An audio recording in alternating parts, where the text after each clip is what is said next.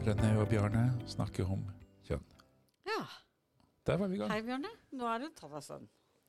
Nå er det nesten liksom litt For vi var tidlig på den i januar, Ja. og nå er vi veldig seint på den i februar. Ja.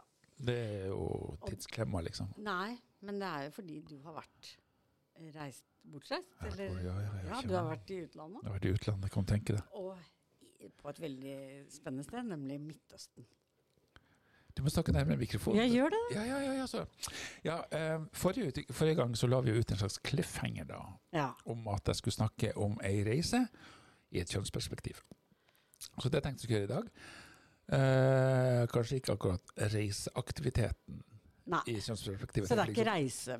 reisefortelling som Nei, reisebrev? Nei, for hvit mann 50 pluss på jobbreise er kanskje ikke liksom, Det mest sånn kjønnsaktige? Nei, men jeg tenkte jeg skulle snakke om, det jo hva denne reisa har gjort. Mm. Og hva jeg har lest, og hva jeg har gjort i etterkant. Og da i et kjønnsperspektiv. Ja. Og Og så helt på slutten så har vi et lite bokhjørne. hver sin bok, eller Ja. noe sånt. Ja. Ja.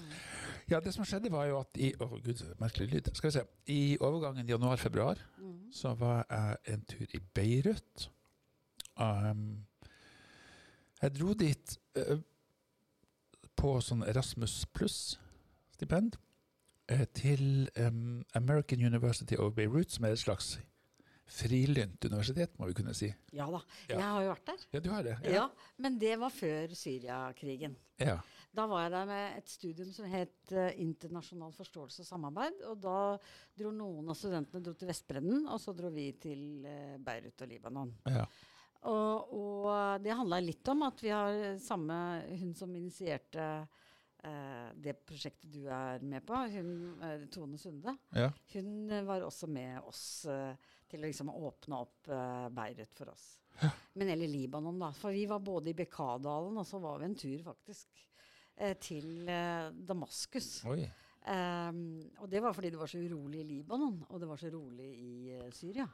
Og nå er det jo helt omvendt. Eller nå er det jo kanskje urolig begge stedene. For det som eh, Jeg syns jo det var Jeg hadde aldri vært der før, så jeg syns det var ganske spennende by å dra til. Og eh, kulturelt og sånt. Det er jo et eh, land De sliter jo litt med ting, kan vi si. Ja. Ja. Uh, en fyr jeg snakka med, han sa at nå har vi vært uten president i seks år, og det er for så vidt helt greit, for da er det én person færre som kan liksom robbe statskassa. Så det er vel litt sånt der. Og så er det veldig inflasjon. Ja. Var det ikke sånn at disse her eh, Du kommer jo hjem med noen eh, Det er, jo, Du, det er jo monopolpenger. De er jo liksom Én dollar jeg var vel 65 000 pund, liksom. Ja. Altså helt ville tilstander. Og det Ja. økte jo uke for uke. Men universitetet Ja, består. ja, og det var jo kjempefint universitet. Det var veldig artig å være der, da. Flinke folk, og uh, hyggelig å treffe studentene der og sånn. Mm. Sånn at eh, det at Altså, jeg dro jo dit, eh, og den um, utvekslinga med Erasmus var på en måte det primære målet. Det sekundære målet var jo å møte de studentene vi har der. Ja, ikke sant? For vi hadde seks eh, studenter på grunnskoleutdanninga som tok utenlandspraksis. Og det skal vi ha til høsten òg. Det skal vi ha til høsten nå. Ja. Bare å søke. Bare søke. Ja. Så det var artig å treffe dem og høre deres erfaringer med å være i det her landet. Eh, og de fikk jo også med seg et jordskjelv, da. Og da hadde jeg reist hjem. ja. Ja, ikke, Oi, oi, oi. Ja, ikke sant? Så det var det. Uh, og mens kjønnsperspektivet på reisen, det kommer eh, til uttrykk på følgende måte. Fordi at jeg har for mange år siden sagt at jeg aldri i mitt liv skal besøke et land hvor homofili ikke er tillatt, eller hvor homofile kan straffes, forfølges for å være seg sjøl. ja. Og det er jo Midtøsten og Afrika og mye sånne steder. Så jeg tenker ja, greit, noen andre får dra dit, jeg drar ikke dit. Men Men så Så kom det altså en forespørsel om jeg kunne tenke meg å være med på prosjektet i Libanon. Og da har jeg tenkt at da må jeg kanskje prøve å forsvare reisa liksom, for meg sjøl. Eh, og en sånn lovnad om at det er veldig god mat og veldig god vin hjelper jo, men det er vel neppe det hedonistiske som skal til for å bedøve en slags samvittighet. da. Ja.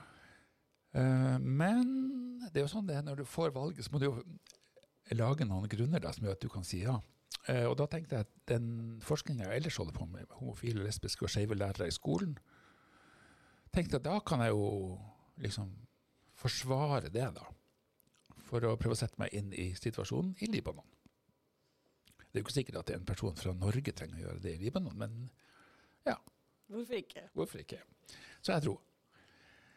Og i, i, mens jeg var der, så um, gjorde jeg ikke så mye med det her, men jeg har lest en del og jobba en del med det etter jeg kom tilbake, og satt meg litt inn i forskning. Uh, og det er jo um, Det er ikke mye forskning som er funnet som er veldig sånn um, om situasjonen der sett fra homofile, lesbiske eller skeive sin perspektiv. Men mye mer utenfra perspektiv, da. Så altså øh, Den forskninga jeg har lest, sier jo delvis, bygger jo delvis på altså det er jo, en, det er jo forbudt. Homofili er forbudt i landet. Og det er fremdeles tabu, og det er synd, og det blir sett på som en unaturlig praksis. Men vi var og besøkte en organisasjon Ja, for skeive ja. Eh, for eh, da elleve år siden. Mm. Og eh, de var jo De fikk lov til å eksistere som en organisasjon som var åpen, altså.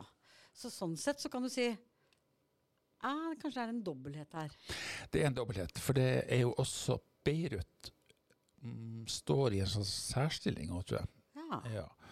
Uh, den forskninga sier jo en del at Beirut har en sånn uh, Har jo vært litt sånn Paris of the Middle East og sånn. Eh, og har vært litt sånn tilholdssted eller tilfluktssted for en del homofile fra arabiske land. Mm. Som opplever at de kan dra til Beirut og være seg sjøl. Mm. Tidligere var det jo Beirut et sted hvor folk som ikke fikk lov til å gifte seg med hverandre, flykta for å gifte seg. Oh, ja. Så det er jo litt sånn forbudt kjærlighet, da, eh, som drar dit. ja. Fortellingene rundt Beirut Ja. er jo litt sånn, da. Og det er jo Beirut stad som er den frisonen. For den er jo ikke resten av Libanon. Nei, ikke Nei. For det er jo det det står mye i forskning om, at det er jo de som bor i Beirut eller holder til i Beirut, dem kan leve relativt fritt, og det finnes organisasjoner, og det finnes utesteder, og det finnes i det hele tatt. Men når du kommer utafor byen, og i andre byer, så er det vanskeligere. Og det er trakassering, og det er vold, og det er overgrep, og det er Folk melder ikke fra til politiet fordi at det er stigmatiserende for alle parter. på en måte. Så man, det er ganske vanskelig. Så Beirut er en frisone. Beirut er en frisone. Det var vel litt som Paris da. Det er jo ikke den sammenligningen helt uh, Nei, Det må jo begynne et sted. det må begynne sted, ja. Ja, for Paris var jo lenge også et slags europeisk tilfluktssted. Ja. For ulovlig kjærlighet på alle Ja. former og farger. Det er kanskje fremdeles. Ja, ja. det kan hende. Ja. Ja.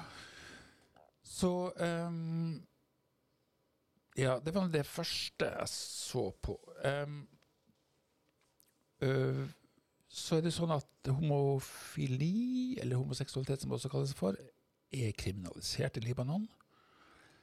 S- og en undersøkelse fra 2019 viser at kun 6 av befolkninga i arabiske land generelt har en liberal eller aksepterende holdning til homofile. Og så finnes det to undersøkelser fra 2008 og 2013 som peker på at en majoritet, det er 72% i den ene undersøkelsen, av libanesiske lærere i skole er motstandere av at homofile skal ha samme rettigheter som heterofile. Hmm. Det er jo ganske mye, da. Mm. Konservative lærere? Ja, og jeg lurer på hva slags forbilde man har også.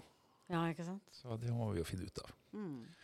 Nei, det, det er, men samtidig så finnes det andre liksom, krefter som går andre veien for landet. Eh, det finnes to sånne organisasjoner, Lebanese Psychological Association og Lebanese Psychiatric Association.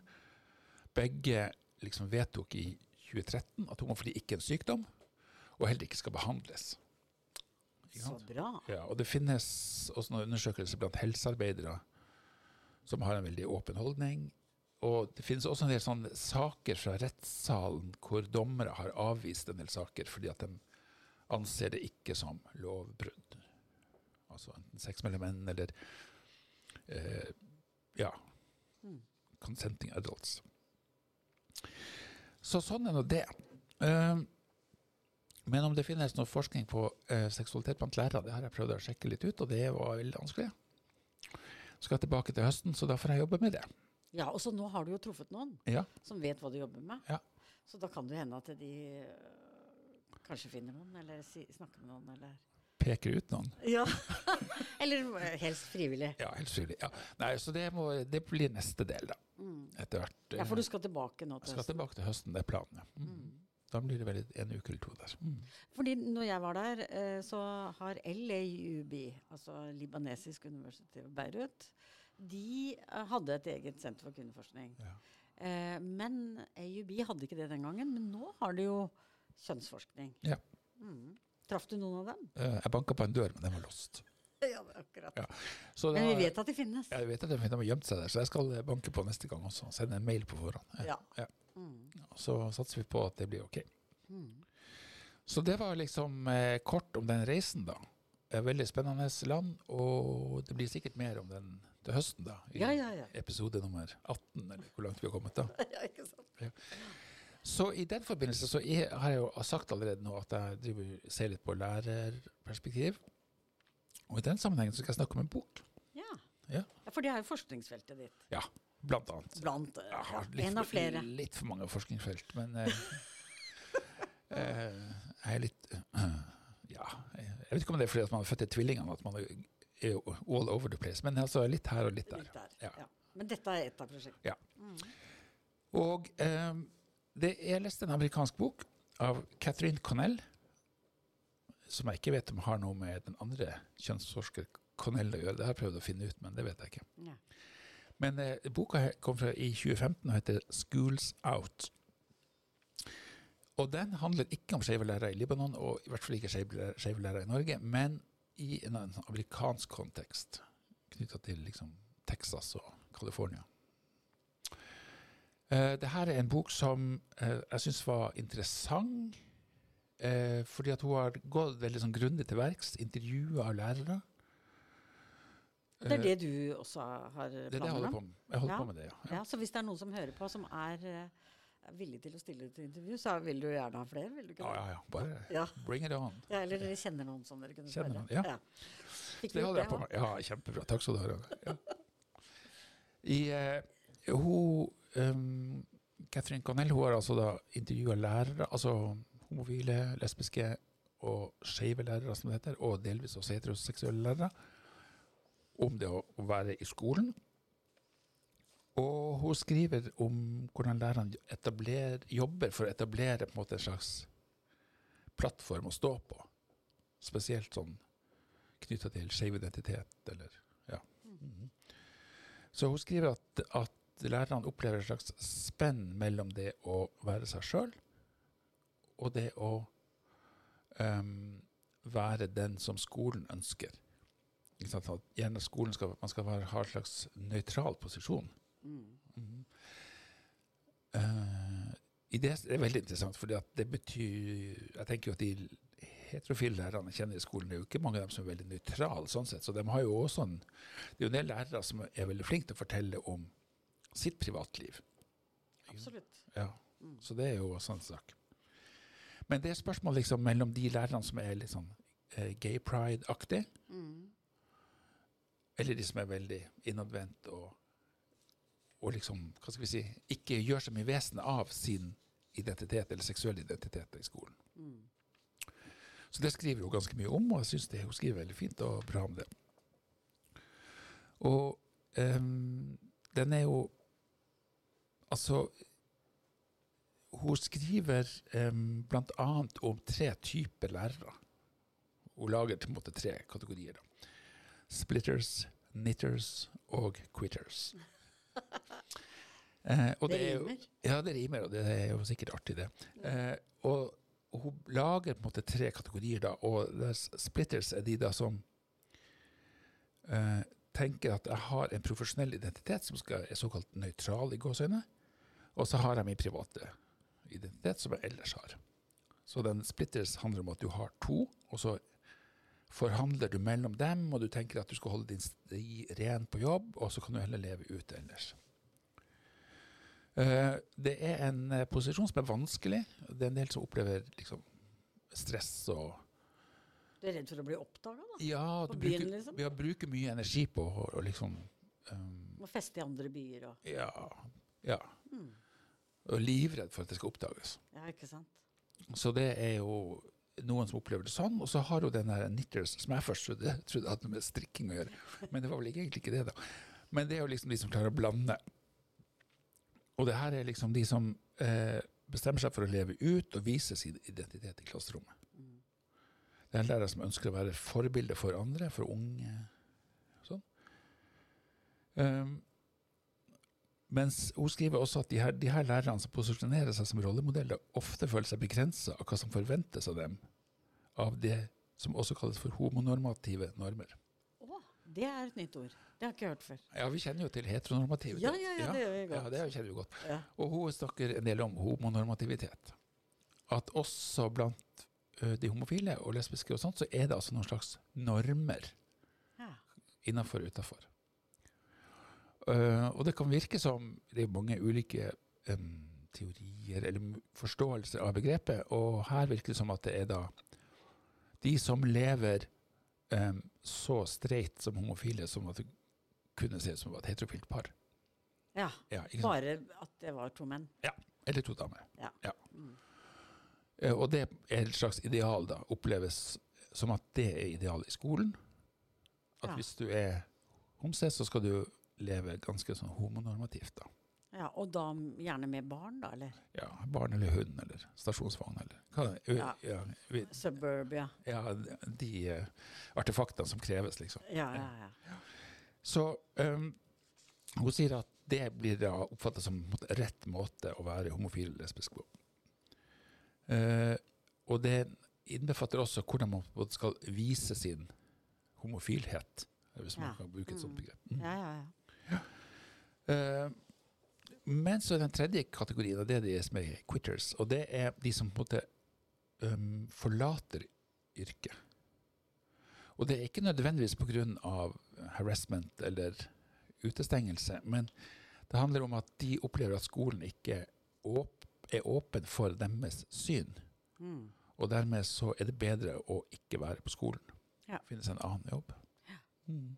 Det er jo synd.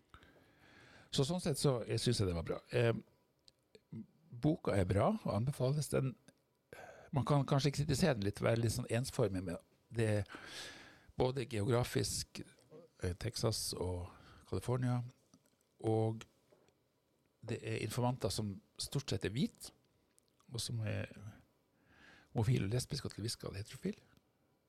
Så hvis man kan tenke seg litt ulik et større Mangfold av større informanter. mangfold av informanter både av utseende og altså Det er f.eks. ikke noe bifile og ikke noe trans og ikke noe ikke sant? Ja. Sånn, Da vil man få et større spenn, da. Men det er jo et valg hun har tatt, og som hun forsvarer. Ja, eller kanskje er vanskelig å få tak i. Eh, Ja, Det ser man jo også i en del forskning, at det er vanskelig å få tak i informanter. Mm. Så, ja. Også, Ellers så syns jeg at boka er interessant, også i nordiske forhold. Mm. Vi er jo, vi er jo også Situasjonen er bedre i, no, i Norden, som jeg oppfatter det. Det finnes unntak, selvfølgelig, men jeg syns at boka er interessant, og den diskuterer på en måte viktige sånn etiske og epistemologiske spørsmål. Mm.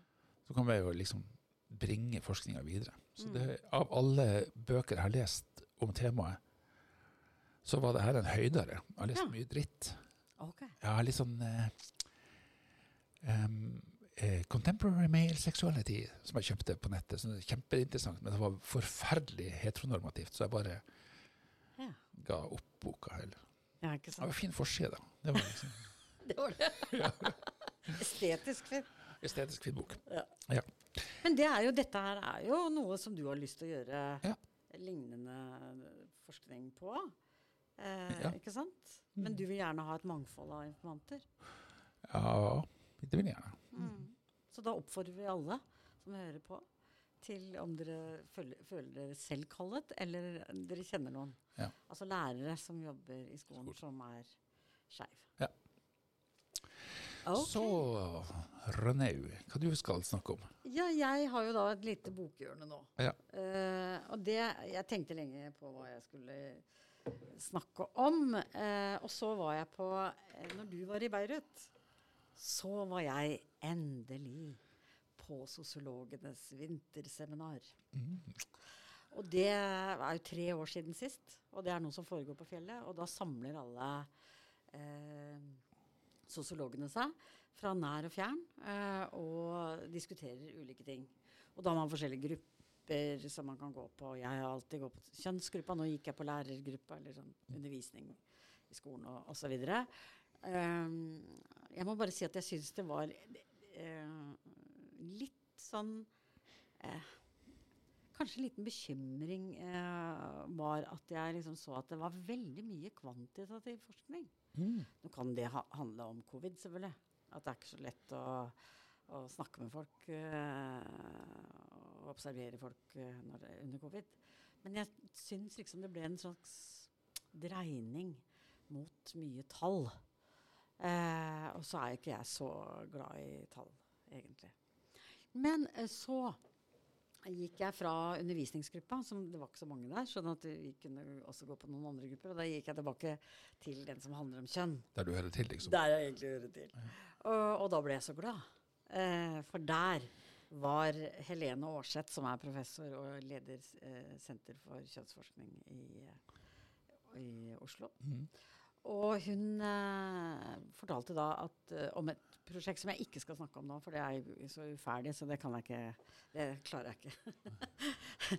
men, eh, men kan, eh, da ble jeg gjort oppmerksom på to bøker som kom i, i, høst eller i fjor.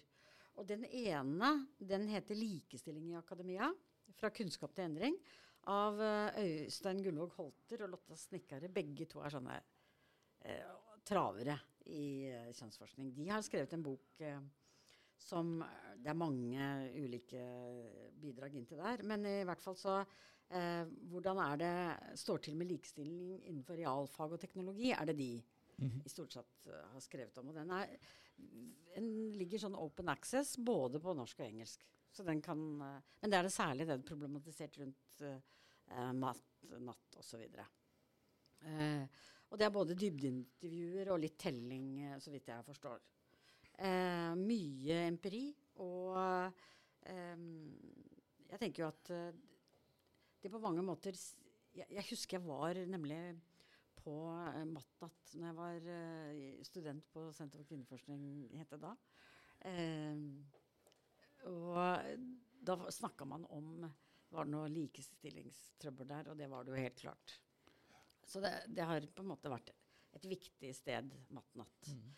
Det som jeg syns er veldig positivt på lærerutdanning nå, eh, er jo at eh, i hvert fall hos oss, da, er, er at det er veldig mange som tar matte og samfunnsfag sammen. Det syns jeg er en uh, gøy ting. Men uansett.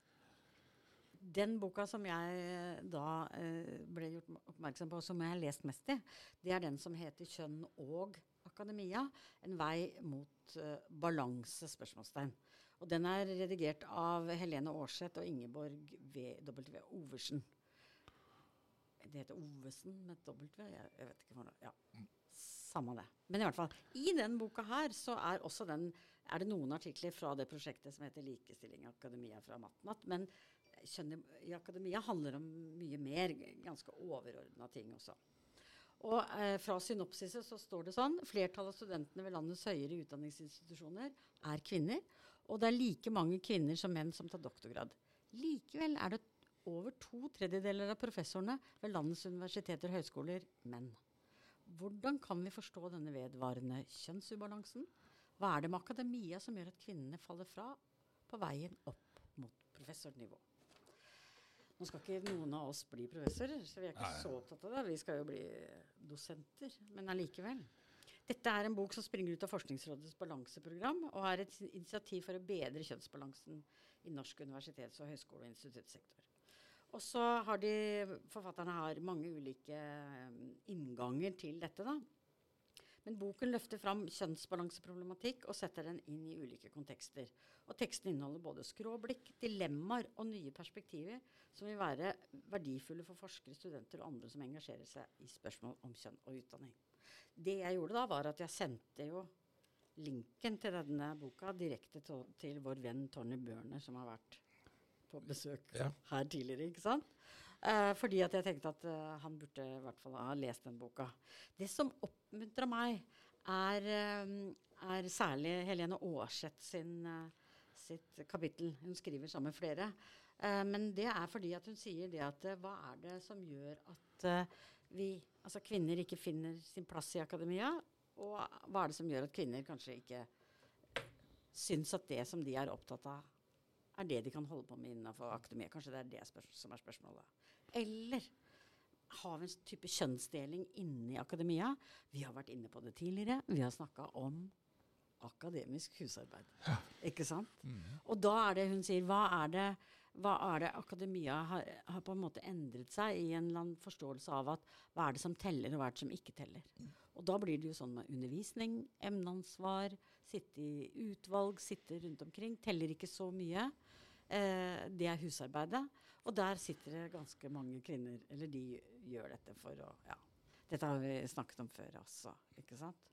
Og eh, ikke minst, hva er det som eh, teller? Og da kan vi tenke det at eh, vi er jo veldig glad for nå at eh, eh, kurs på lærerutdanningen, ikke sant, årskurs der, får god uttelling på elev... eh, hva heter det for noe? Elevmålingene? Studentparameteret. Studentparameteret heter det. Ikke sant? Som sier hurra, vi er kjempegode osv. Men det teller ikke for de lærerne som er i dette kurset. Det er institusjonen og institusjonens omdømme som det teller for. Men de som faktisk skaper en sånn form for uttelling, de får ikke noe uttelling selv for å gjøre dette type arbeid. Og det er det hun på en eller annen måte sier. Har det blitt en sånn arbeidsdeling, en kjønnsarbeidsdeling innenfor uh, akademia, som vi må se litt på. Eh, og så sier hun noe også om at eh, eh, at eh, en, en ensretting også føler til en, en sånn maskulinisering av måten å forholde seg til både kunnskap på. Altså hva er det som er interessant kunnskap? Hva er det jeg kan få bli berømt for? Hva er det jeg kan få utdeling for? Hvilket nivå skal jeg publisere på? Hvilket språk? Og for hvem skal jeg publisere på, for? Ikke sant? Eh, det er viktigere å dra til Japan og snakke på engelsk enn det er å snakke for lærere i Sandefjordskolene f.eks. Eh, kan man gjøre da. Ja. Ikke sant? Man får ingenting uttelling for å dra til Sandefjord, bare for å ha sagt det sånn. Og så, så Litt sånn er det hun problematiserer. Og så Hele boka er på mange måter mange innganger. Veldig mye sånn mange perspektiver. Og det er det de på en eller annen måte også bærer fram. er jo at vi, Det mangler universitetene nå. Vi er i ferd med å utarmes i en sånn tellekantregime på speed, kaller de det. Uh, og hvor de på en måte Både det å være på jobb og det å ha, det gøy på jobb og det å forske på ting man syns er spennende, det er for så vidt eh, ikke så, så mye av lenger. Og kanskje det også gjør at eh, kvinnene i, ikke heller syns at det er et sted som de syns er meningsfullt å være.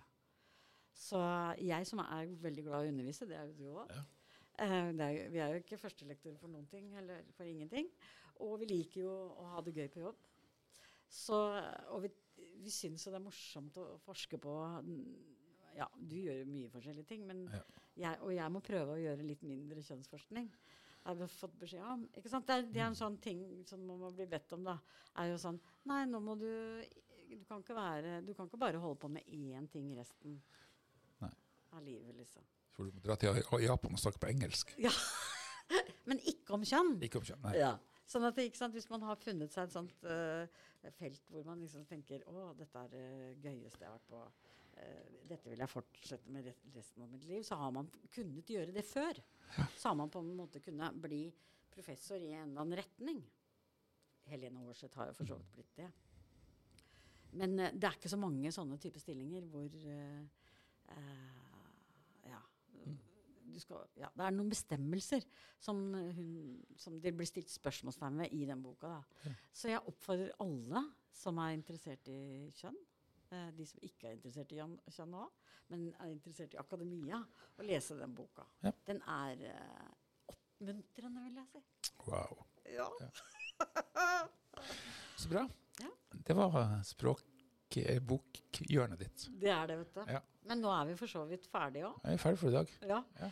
Eh, og, men neste gang så skal vi prøve å få med oss en ja, gjest vi, igjen. Vi må true noen til å være med. For ja. Det, ja. fordi at det, nå har vi hatt to gjester. Det er litt lite på syv uh, ganger. Mm.